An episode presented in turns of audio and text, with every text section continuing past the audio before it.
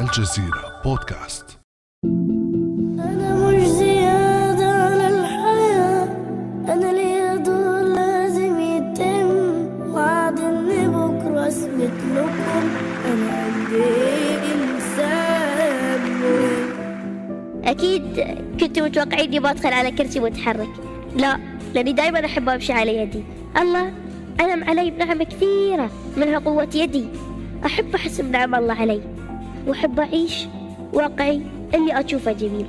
اسمحوا لي أعرفكم بنفسي. اسمي غانم محمد المفتاح. عمري 16 سنة. ولدت وابتدت الرحلة. مع إعاقة نادرة تسمى متلازمة التراجع الذيلي. فاقد لثلاث أرباع عظام جسمي. لكني أملك نعمة عظيمة نعمة الإدراك. عندي مشاكل صحية كثيرة في كل أجهزتي الداخلية وكل ما أكبر تكبر هالمشاكل وتزيد. لكن بعد يكبر فيني الأمل ويزيد. كان هذا غانم المفتاح الطفل القطري المعجزة الذي ولد بنصف جسد وأصر على أن يعيش الحياة كاملة كما يليق بها أن تعاش.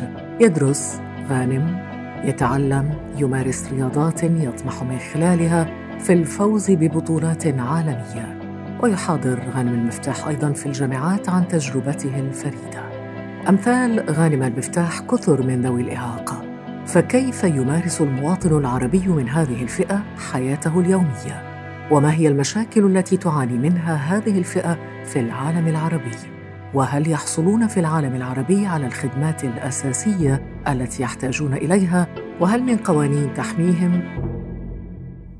بعد أمس من الجزيرة بودكاست أنا خديجة بن جنة.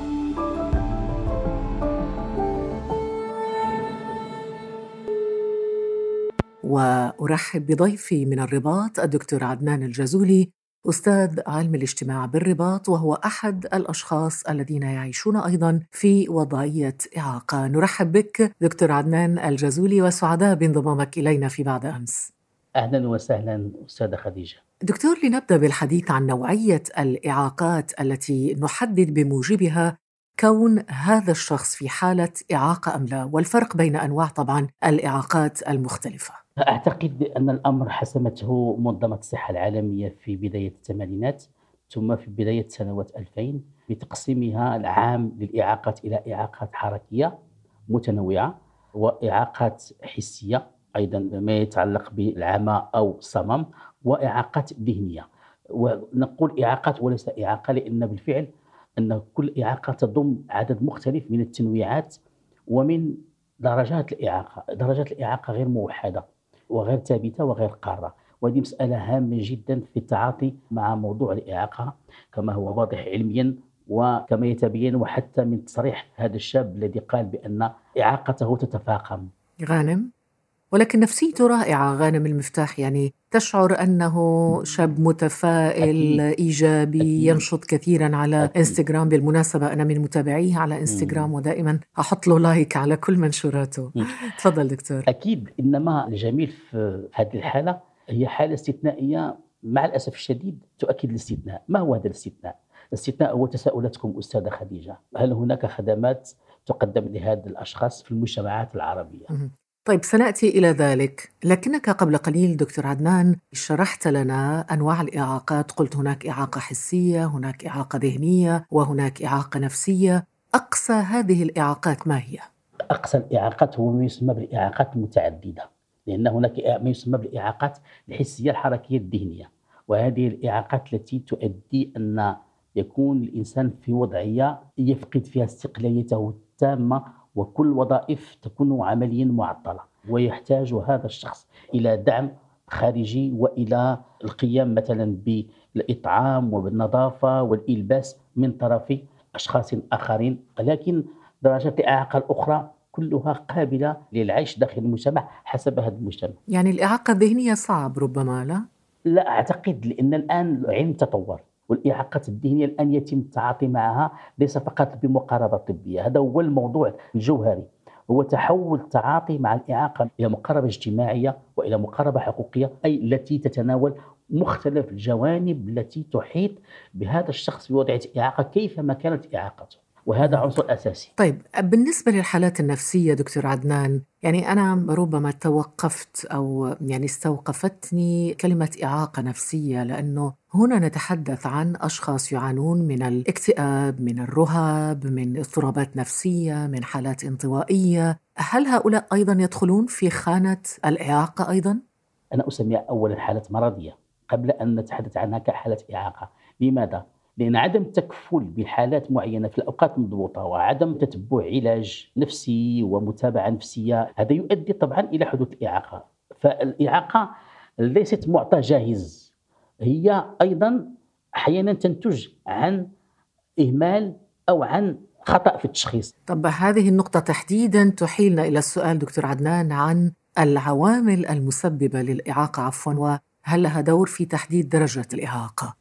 أنا أعتقد بأن هناك أسباب متعددة وكثيرة. هناك الزواج بين الأقارب وهذه أمور لا زالت سائدة في مجتمعاتنا يعيش جزء منها في أوضاع يعني نسميها مجتمع تقليدي تعيش الأسر بينها وتتزوج بينها ولا يكون هناك تجديد في النسل فتحدث أنواع عديدة من الإعاقات منها بشكل خاص الإعاقات الذهنية كما أثبتت ذلك مجموعة من البحوث حول الوراثة. أيضا هناك أسباب حوادث السير.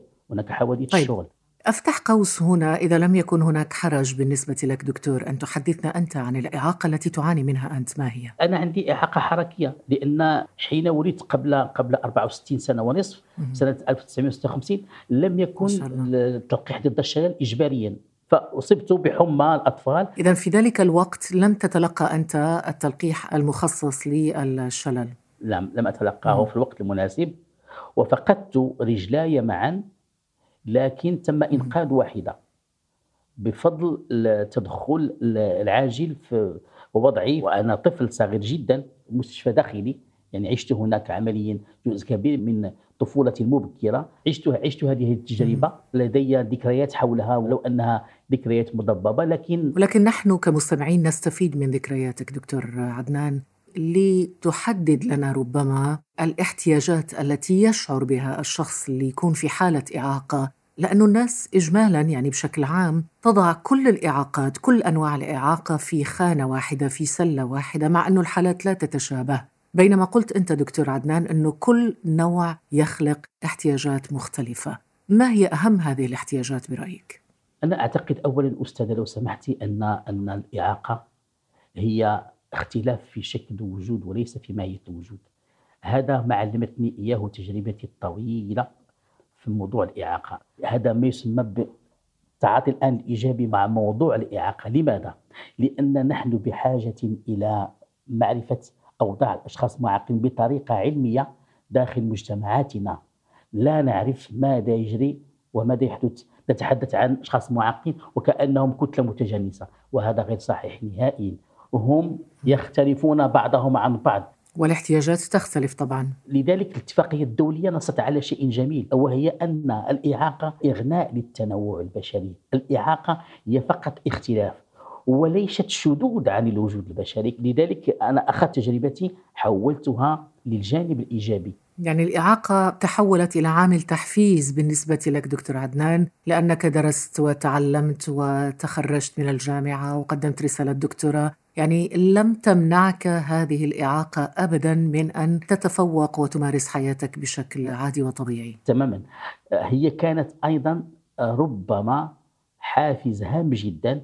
لماذا؟ لأنني كطفل كنت أرى الآخرين يلعبون بطريقتهم ويعيشون حياتهم بطريقتهم وكنا نعيش آنذاك في منزل كبير يعيش فيه الأعمام والأعمات والأطفال وكنا كنا كثر أنا الوحيد الذي كنت أحمل إعاقة جسدية. فما الذي ميزني؟ ميزني وعي المبكر بأهمية الولوج إلى المدرسة وهذا في اعتقادي لا زال مطلبا إلى اليوم. حتى نحقق ما يسمى بالمجتمع الدامج لأن آنذاك تتربى الأجيال الجديدة على صورة الإنسان المختلف وعلى كيفية التعامل معه وهذا هو الهام جدا.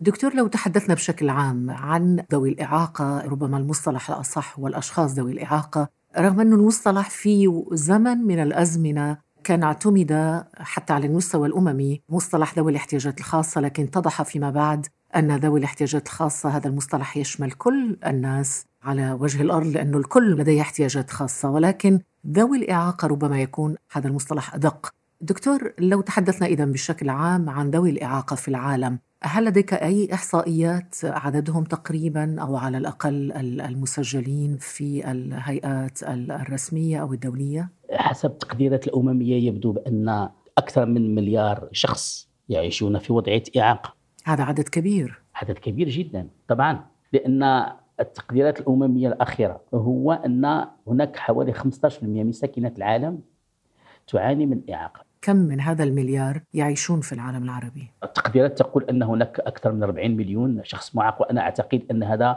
رقم غير حقيقي لأن هذا رقم أقل من الواقع لأن الملاحظ التقارير الرسمية كما قيل في مقدمة تلك التقارير التي أصدرتها الجامعة العربية أن الدول العربية تقلل من أعداد الأشخاص في وضعية إعاقة من خلال إحصائياتها الرسمية لماذا؟ هذا واقع سجله الذي كتب مقدمة التقرير 2014 أن الدول العربية هي الدول الوحيدة من بين دول العالم التي تعطي نسب أضعف من الواقع دكتور عدنان الجزولي لو تحدثنا عن المشاكل والتحديات بالنسبة لذوي الاحتياجات الخاصة وذوي الإعاقة في العالم العربي ما هي أهم هذه المشاكل؟ المشاكل تختلف حسب أنواع الإعاقات المشاكل تختلف حسب درجات الإعاقة والمشاكل تختلف أيضا حسب الجنسين. آه، مشاكل النساء المعاقات ليست هي مشاكل الذكور المعاقين في مجتمعاتنا العربية وأعتقد في معظم المجتمعات. سيقال لماذا؟ لماذا أظن الأمر واضح؟ أن الغائب الأكبر النساء في وضعية إعاقة. هذا غائب كبير وهؤلاء النسوة يعانين معاناة مضاعفة ومثلثة ومربعة. لماذا؟ لأن أغلبهن يحرمن من الولوج إلى الحق في التربية والتعليم والتكوين. طيب على ذكر التربية والتعليم لنستمع دكتور إلى غانم المفتاح هذا الطفل القطري المتفائل الإيجابي الجميل. نستمع إليه مرة أخرى يتحدث عن تجربة دخوله المدرسة لأول مرة. بعض الأبهات رفضوا دخولي لدى عيالهم يخافوا بشكلي لدرجة إن واحدة من الأبهات دخلت ولدها مدرسة ثانية. الطلبة يطالعوني باستغراب. ما يبون يلعبون معاي. يعلقون علي. يتدبرون علي. حسيت إني كان غريب. أرجع البيت. أصيح. أشتكي لأمي. أقول روحي هوشيهم طقيهم. أمي ما راح تهوشتهم أو طقتهم. أمي علمتني إن تغيير كل الناس علشاني أمر مستحيل. والحل إني أتغير بالداخل وأتقبل نفسي عندك تعليق دكتور على كلام غانم؟ آه طبعا أنا طفل جميل في كلامه تلقائي ومؤثر طبعا جدا مؤثر نعم. لأنه نعم. يحكي بكلمات واضحة كلمات الطفل دائما تقول الحقيقة طيب إذا كان هذه المشاكل فقط بالنسبة للدراسة والمدرسة ماذا عن العمل؟ على حكومة البصرة أن تفعل 5% من فرص العمل ذوي احتياجات خاصة اللي نص عليها قانون ذوي الاحتياجات الخاصة. النقطة الثانية هو على مجلس المحافظة أن يصدر قرار بتخصيص نسبة من المنافع الاجتماعية حتى تكون على شكل منحة سنوية لذوي الاحتياجات الخاصة وتكون من خلال دوائر الرعاية. دكتور عدنان يعني اللي استمعنا لهم الآن هم مواطنين عراقيين يتحدثون عن مشاكلهم وهم طبعا في وضعية إعاقة ويطالبون بحقوقهم في العمل، كيف تنظر إلى هذه المطالب كباحث مطلع على تجارب عديدة في الدول العربية وأيضا كشخص من ذوي الإعاقة؟ أنا ألخص المشكل كما يلي إذا سمحت أستاذ. فضل. أن الإعاقة ليست في وجود خصاص معين جسدي أو ذهني أو حركي. الإعاقة تتفاقم حين يوجد الفقر وتوجد الاميه. مشكلة دولنا هو أنها تقرر أمور تعجز عن تحقيقها. قصة 5% من مناصب العمل هي أيضا نفس الوضعية في المغرب، لكن يصعب تحقيقها لهذه المساله هامة جدا ويجب أن نعمل على تغييرها تغييرا جوهريا وفي الصميم. النظرة التي زالت سائدة هي أن هؤلاء الأشخاص يستحقون فقط الإحسان. لا يعلمون أنهم أيضا قوة عمل وأنهم عقول وقادره أن تفكر وأنها يجب أن تعيش مستقلة وبكرامة ولكي يحققوا ذلك يجب أن يشتغلوا بسواعدهم وبفكرهم وبما تبقى من قوتهم وليس ما ينقصهم. الدولة نفسها عندما تقرر بناء البنية التحتية لا تضع أو لا تحسب حسابا لذوي الاحتياجات الخاصة ولذوي الإعاقة مثل الله يعزك الحمامات الخاصة بهم، الأماكن الخاصة بهم في باركينج يعني مواقف سيارات، الأرصفة الخاصة بهم وما إلى ذلك. هذه أيضا نقطة أو مشكلة يجب أن نتوقف عندها. هذه البنية التحتية أولا يجب توفيرها.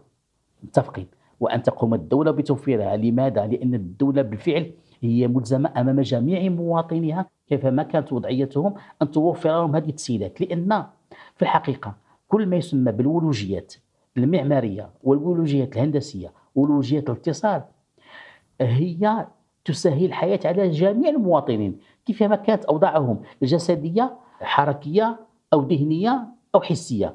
جميع المواطنين يستفيدون من هذه التسهيلات وهذا ألاحظه بنفسي حين تكون هناك ولوجيات معمارية أو هندسية أو تواصلية أو ولوجيات التنقل دكتور عدنان قبل قليل تحدثت عن النظرة السلبية للمجتمع إلى هذه الفئة يعني ذوي الإعاقة. خلينا نستمع بهذا الخصوص إلى ما تقوله الفتاة اللبنانية ريتا حبيس بهذا الخصوص. بحب إنه كل العالم تشوفني شخص طبيعي.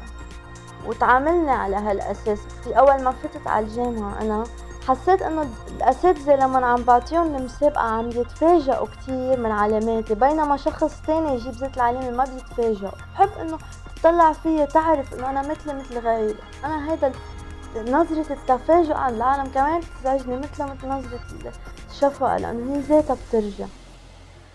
إذا إحساس بالشفقة ربما نظرة يعني فيها شفقة ورأفة بالشخص من ذوي الإعاقة. كيف ترى أنت هذه النظرة وربما أكيد في يوم من الأيام بحكم الإعاقة أحسست بهذا الإحساس دكتور.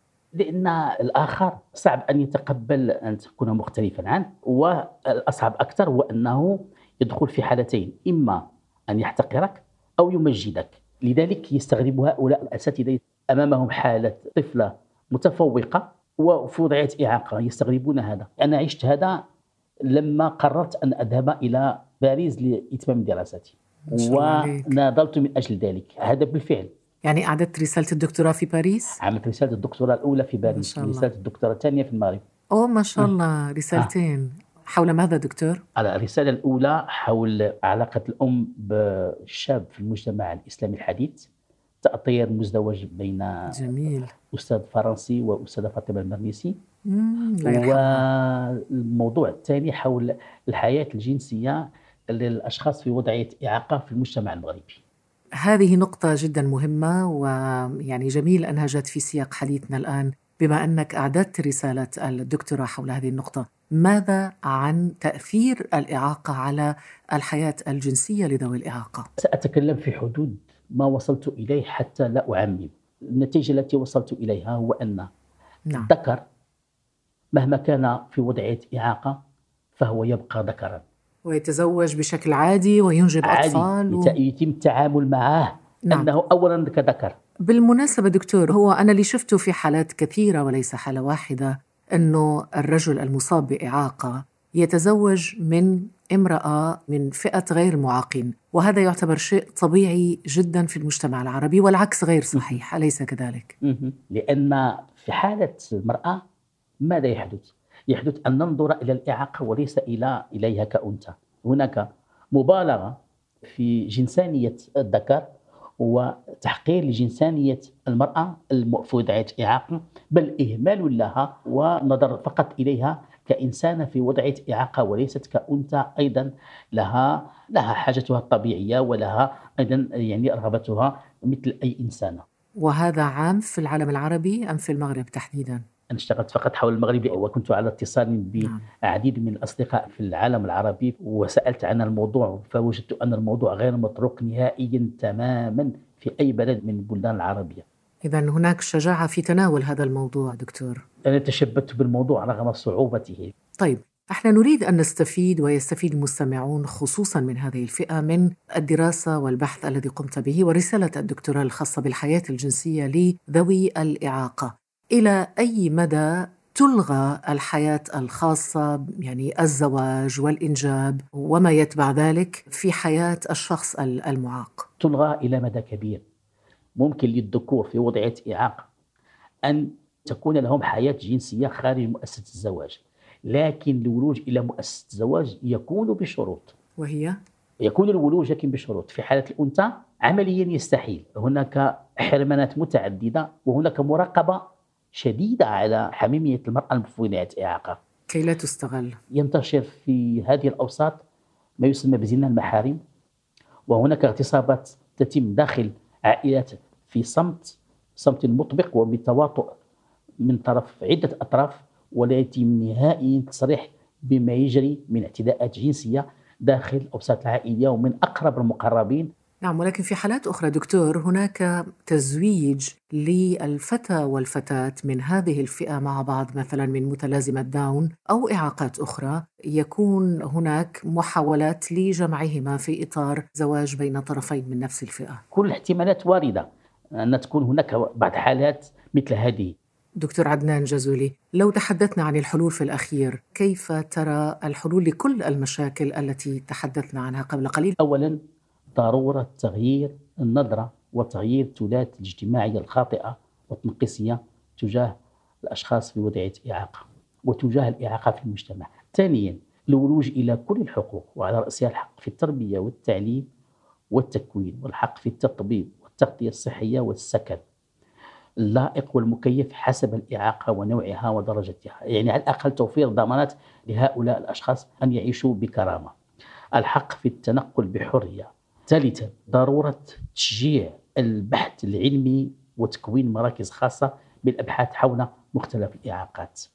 رابعا أن يلعب الإعلام دوره الأساسي سواء منه السمعي أو البصري أو المكتوب في تغيير هذه التمثلات وفي نقل التجارب الإيجابية والنجاحات التي يحققها مجموعة من الأشخاص نساء ورجالا ولهم إعاقة معينة. أخيرا وليس أخيرا هو وضع سياسات عمومية دامجة مع تجديدها وتمويلها وتقويمها دوريا وإشراك هؤلاء الأشخاص في مثل هذه الأمور وعائلاتهم ومنظماتهم. في حالة عجزهم هم كأشخاص عن المشاركة لأن المشاركة تلعب دور كبير في معرفة ما هي طبيعة الحاجيات هؤلاء الأشخاص.